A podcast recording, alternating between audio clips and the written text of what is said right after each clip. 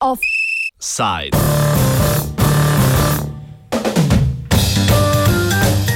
Hrvaška politična kriza.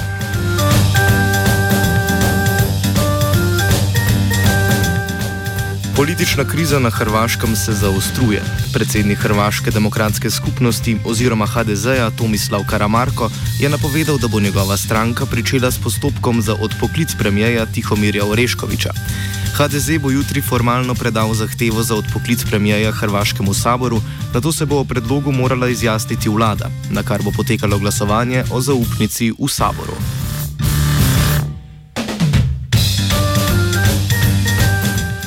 Gre za še enega v nizu pozivov za odstop v vrhu hrvaške politike. Naj spomnimo, poslanci koalicijske stranke Most so najprej odrekli podporo Karamarku, potem ko je opozicijska socialno-demokratska partija nekdanjega premijeja Zorana Milovanoviča uložila zahtevo za razrešitev Karamarka z mesta podpredsednika vlade. Na to je premijer Oreškovič pozval oba podpredsednika vlade, tako Karamarka kot vodjo Mosta Boža Petrova k odstopu, čež da bi s tem konsolidiral vlado. Sledila je današnja napoved HDZ-ja. Perspektive za razrešitev krize oceni novinar Drago Hedel. Dakle, e, sada je sigurno da će doći do pada vlade, to je e, pitanje samo na koji će to način se dogoditi, da li izglasavanjem nepovjerenja e, Oreškoviću ili na neki drugi način, a kad to kažemo onda mislim na mogući izlazak iz vlade svih HDZ-ovih ministara, što je manja vjerojatnost. Međutim, ono što je najrealnije, čini se da će doći do preslagivanja unutar HDZ-a, koji je očito svjestan činjenice da ukoliko sruše premijera, sadašnjega premijera uh, Oreškovića, uh, Karamarko kao osoba koja je vrlo nepopularna i koja ne uživa ugled u javnosti, neće moći biti osoba koja bi u tom trenutku mogla skupiti potreban broj ruku u parlamentu da može presložiti vladu i da on može biti premijer. HDZ će vjerojatno, samo to naravno sada čini na jedan taktički uh, prilično mudar način, E, reći Karamarku da mora odstupiti e, čekajući da prije toga padne vlada i da na taj način njega spasi da se ne bi dogodilo da se u Saboru izglasa nepovjerenje Karamarku koje je također u proceduri. E, moguće je da bi HDZ dakle pokušao pronaći jednu umjereniju i šire prihvaćenu osobu koja bi onda pokušala uvjeriti predsjednicu Republike da ima 76 zastupnika u Saboru koji podržavaju novu, novu, koji stvaraju novu većinu i koji bi dakle mogli biti garant da će vlada koju bi tada sastavila ta druga osoba biti uspješna. Međutim, vidjeli smo da SDP nije sklon tim toj varijanti i pretpostavimo da će tu također biti dosta otpora ne samo od strane SDP-a nego i njegovih koalicijskih partnera, također nekih drugih manjih stranaka koje vjerojatno pretpostavljaju da je izbor, da su novi izbori najbolje rješenja, a to u svakom slučaju misli prema istraživanjima i dvije trećine hrvatskih građana. Neposreden povod za politično krizo vlade je bila afera MOL, v katero se je zapletel Tomislav Karamarko. Nadaljuje Hedel. Dakle, Karamarko je upetljan u jednu vrlo nezgodnu aferu. Njegova supruga, Ana Karamarko, vlasnica je uh, agencije koja je imala uh, vrlo razvijene poslovne odnose sa glavnim lobistom mađarskog mola uh, Jozom Petrovićem. Ona je dakle za te usluge odbivala financijske iznose koji nisu maleni, u dvije godine radi se o pola milijuna kuna ili vama u Sloveniji ko računate eurima da bude lakše oko 60 tisuća eura. Samo po sebi to ne bilo problem da se e, da hrvatska vlada u prošlom sazivu nije pokrenula e, arbitražni spor kojim traži da upravljačka prava nad molom na upravljačka prava nad Dinom, pardon, upravljačka prava nad Dinom ponovno pripadnu Hrvatskoj, jer je poznato i to je sudski dokazano da je MOL stekao upravljačka prava nad Dinom ne na način da ima većinski paket dionica, nego tako što je bivši premijer Sanader e, to učinio e, e, zbog toga što je primio od Mola mito od 10 milijuna eura. Dakle, lobisti, dakle, lobist Mola i veliki prijatelj Karamarka istovremeno je financijer agencije njegove supruge to je dakle jedna velika afera koja je potresla hrvatsku javnost i dovela Karamarka u situaciju u kojoj se danas nalazi. Dok da se Hrvatsko vrati upravljačka prava nad INOM za koje smatra da su na, na, na, na nezakonit način došao MOL do njih i željeli su dakle da INA kao strateška kompanija, kao naftna kompanija, vrlo važna za Hrvatsku i njeno gospodarstvo, ponovno bude u hrvatskim rukama jer MOL kao ovaj, suvlasnik INE nema većinski paket, a ima upravljačka prava. To je bila dakle održiva pozicija koja je sada pred arbitražnim sudom u u Londonu, a Karamarko se je kao potpredsjednik vlade zalagao da Hrvatska izađe iz arbitražnog procesa, što jasno govori da je on na neki način bio zastupao interese Mola, a ne interese INA, što se smatra u određenim krugovima čak i jednim, jednom vrstom rada protiv nacionalnih interesa Hrvatske. Kot rečeno, je afera MOL bila le povod za začetek razpada vlade, ki jo vse od formiranja pred pol leta zaznamujejo kontroverzne odločitve zlasti predstavnikov militantno protikomunističnega in nacionalističnega Karamarkovega HDZ-ja. Hedel. Pa naime, od eh, dolaska HDZ-a na vlasti, odnosno domoljubne koalicije, eh, koju je podupro most i pomogao da sastavi vladu, došlo je do vrlo, rekao bih, retrogradnih procesa u Hrvatskoj i to u E, vrlo kratkom vremenu.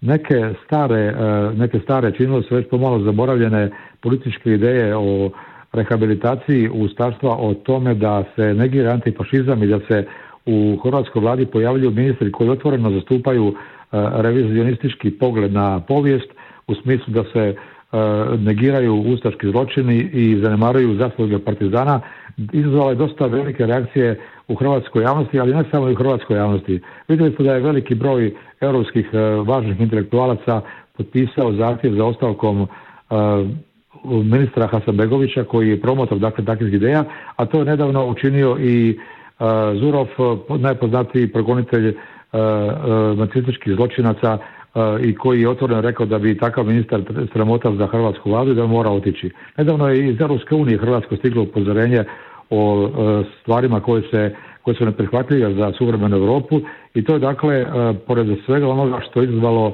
velike probleme u samoj Hrvatskoj, Hrvatsko napravilo i probleme u Europskoj uniji, a i, a i šire u demokratskom, u demokratskom svijetu. Dakle, ta vlada koja je praktički e, Karamarko, Karamar, odnosno Karamarko HDZ koji nije imao nikakav jasan gospodarski program, pokušao je na staru populističku, a rekao bih ovaj puta i nacionalističku kartu, kako bi e, zapravo skrenuo pozornost javnosti sa e, e, onih bitnih temeljnih problema koji postoje, a to su prije svega gospodarski problemi, na marginalne, na, na marginalne, na marginalna pitanja na kojima je ponekad jako lako okupiti ljude i dobiti podršku. Smer delovanja Karamarkovega HDZ-ja je sicer bila predvidljiva vse od objave njegovega tako imenovanega protikomunističnega manifesta sredi lanskega leta. Ali bo boj HDZ-ja za ohranitev oblasti potisnil skrajno desno retoriko v drugi plan, odgovarja komentator Marin Kočulič. Pa ja ne znam da li je to baš tako, čini mi se da je ona zapravo izbila u prvi plan, ali u smislu da se vidi njeno definitivno urušavanje a, to je kraj te ovoga antikomunističke revolucije zapravo mislim radilo se o tom njegovom antikomunističkom manifestu objavljeno prošle godine.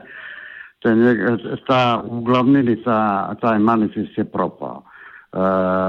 S ovim što se sada događa bez obzira na sad moguće varijacije ishoda jer je glavnina toga će se sve sigurno na to da će Karamarko ovako ili onako izgubiti, da će biti izbori i da će na tim izborima HDZ ovoliko ili onoliko izgubiti.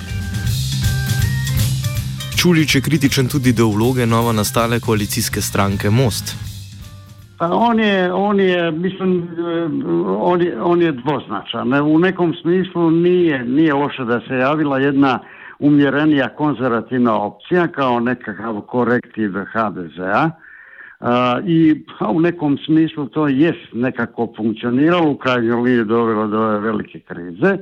Međutim, e, ja bi to gledao malo drugčije, zapravo su to frakcije iste političke opcije, to je jedna klerikalna desna opcija koja je pokušala e, doći na vlast uz veliku potporu crkve tako da je ovo zapravo bio projekt u neku ruku dolaska crkve na vlast, naravno ne direktno, to nikad ni ne ide direktno, nego preko svojih političkih filijala, ispostava, jedna je HDZ, jedna je Most, jedan je Orešković tako dalje.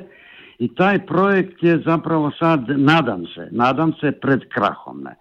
Crkva je prvi put u Hrvatskoj, mada je cijelo vrijeme vrlo utjecajna, utjecajnija nego u Sloveniji, prvi put došla u situaciju da pokuša realizirati direktni dolazak na vlast. To bojim e, nadam se, to nadam se, ne uspjeva i gotovo sam siguran da ne uspjeva na ovaj ili onaj način to se raspada. Medtem pa postaja če dalje očitnejše, da premijer Oreškovič ni dorasel položaju, ki ga je sprejel. Čulič. Pa nije, pa po definiciji nije i tu kako god uzmeš nema izborni legitimitet, nije bio na izborima, praktički je oktroiran od dviju vladajućih stranaka HDZ-a i Mosta e, u smislu nekakvih elementarnih informacija o stanju u zemlji je praktički izgubljen. On je dobio nekakvu popularnost jer se par puta usuprotstavio pogotovo u nekim kadrovskim pitanjima, u tajnim službama i tako dalje, Karamarku i prilično mu je narasla popularnost. Čak je bilo spekulacija da bi se on mogao pojaviti na izborima e, ovoga, kada budu, a bi, bit će vrlo brzo, kao nekakva, eto, nov, neki novi subjekt e, u kombinaciji s mostom ili bez toga. Međutim, e, mislim da je ovih nekoliko mjeseci potrošilo ne samo Karamarka, Most, nego i njega. Tako da mislim da on nije ozbiljan, ozbiljan e, sudionik budu, idućih izbora. Očitno nesposobnost vladajoče koalicije, da bi se ukvarjala z realnimi problemi države, je vodam na mlin opozicijskim socialnim demokratom Zorana Milanoviča. Nadaljuje Hedel. Sigurno da su SDP-u nakon ovih e, velikih e, problema koje je Karamarko izazvao u vladi i skandala koji se oko njega vrte, a onda i podrške koju mu je dao HDZ, dakle koji ga je u tome podržavao, idu na mlin SDP-a koji je sve vrijeme vrlo mudro šutio, nije se puno petljao u situaciju koja je nastala, e, jasno razumijući da zapravo sve ono što se događa ide njemu u korist. E, prema anketama koje su relevantne i koje su nedavno objavljene, vidi se da je sada SDP taj koji ima najveću popularnost u javnosti, što nije bilo teško ne očekivati s obzirom na brojne skandale koje je ova vlada imala u ovo malo vremena, od izbora pojedinih ministara kao što je bila ona avantura sa izborom ministra branitelja Crnove koji je morao stupiti za samo sedam dana koliko je bio u vladi, do uh, imenovanja ministra Hasanbegovića koji je napravio veliku političku štetu Hrvatskoj i naravno do ove zadnje afere Tomislava Karamarka koja je bila kap u uh, koja, je bila kap koja je predala čašu strpljenja javnosti. Ukoliko bi se izbori održali vrlo brzo, a kad to kažem mislim najkasnije negdje tamo do rujna, što je vjerojatno i realno, mislim da bi SDP bio pobjednik, s tim što danas premijer, što je danas bivši premijer Milanović i najavio kako će sada SDP okupiti širu koaliciju od one koja je bila na prošlim izborima i mislim da su e, realni izgledi da bi SDP u tom slučaju odnio pobjedu jer je e, situacija u SDP-u e, je situacija pardon, u HDZ-u vrlo komplicirana i sigurno će doći tamo do velikih turbulencija kada se bude shvatilo da Karamarko nije sposoban presložiti većinu u Saboru i postati premijer, on ili netko drugi iz HDZ-a. Politična kriza je odraz širše družbene krize Hrvaške. Na Radio Student smo že poročali o protestih zaradi poskusa zaustavitve šolske reforme in prepovedi splava, kar so le simptomi upora proti HDZ-ovski konzervativni protirevoluciji. Zaključuje Čulič. Pa ta klima je ono napravila ne, ne jedan, nego nekoliko koraka unatrag i s tim se više ne, ne mogu mjeriti, čini mi se, ni Mađarska, ni Poljska, ni Slovačka.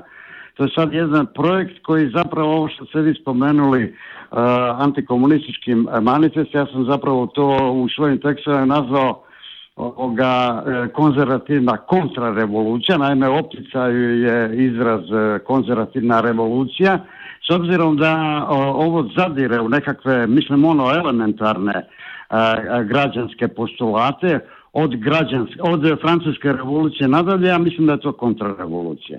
I ovoga, to je bio jedan projekt koji je Karamarko ovoga, zamislio tako da pomete Ljeviću, da je po vlastitim izjavama svede na 5-6%, dakle to je negdje situacija prvih drugih parlamentarnih izbora u Hrvatskoj, gdje, kako je, tako je naime SDP i pao na 5-6%, pa je po svemu sudeći milošću uh, Tuđmana nekako preživio.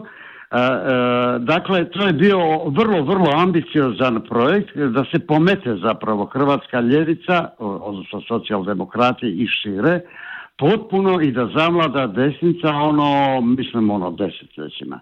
Ja mislim da su sad oni sebe doveli u situaciju da se moraju pitati kako će se oni držati narednih desetljeća.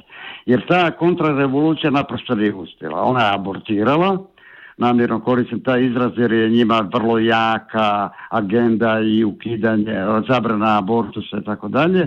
Mislim da su oni sad na velikoj pre, prekretnici gdje se moraju zapravo jako brinuti da li kao relevantna politička stranka i opcija šire desnica uopće opstanu i u kom omjeru opstanu. Jer nema se i to i događalo i ranije da skoro nestanu ne, nakon Tuđmanove smrti, nakon Sanaderovih korupcijskih ovoga podviga. E, tako da mislim da im se sad prema zapravo to isto i vidjet ćemo kako to, će to završiti.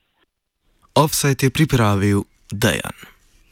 Ura teče, kurac peče, pivo steče, Sašo peče, nič ne reče. Minister pa nič.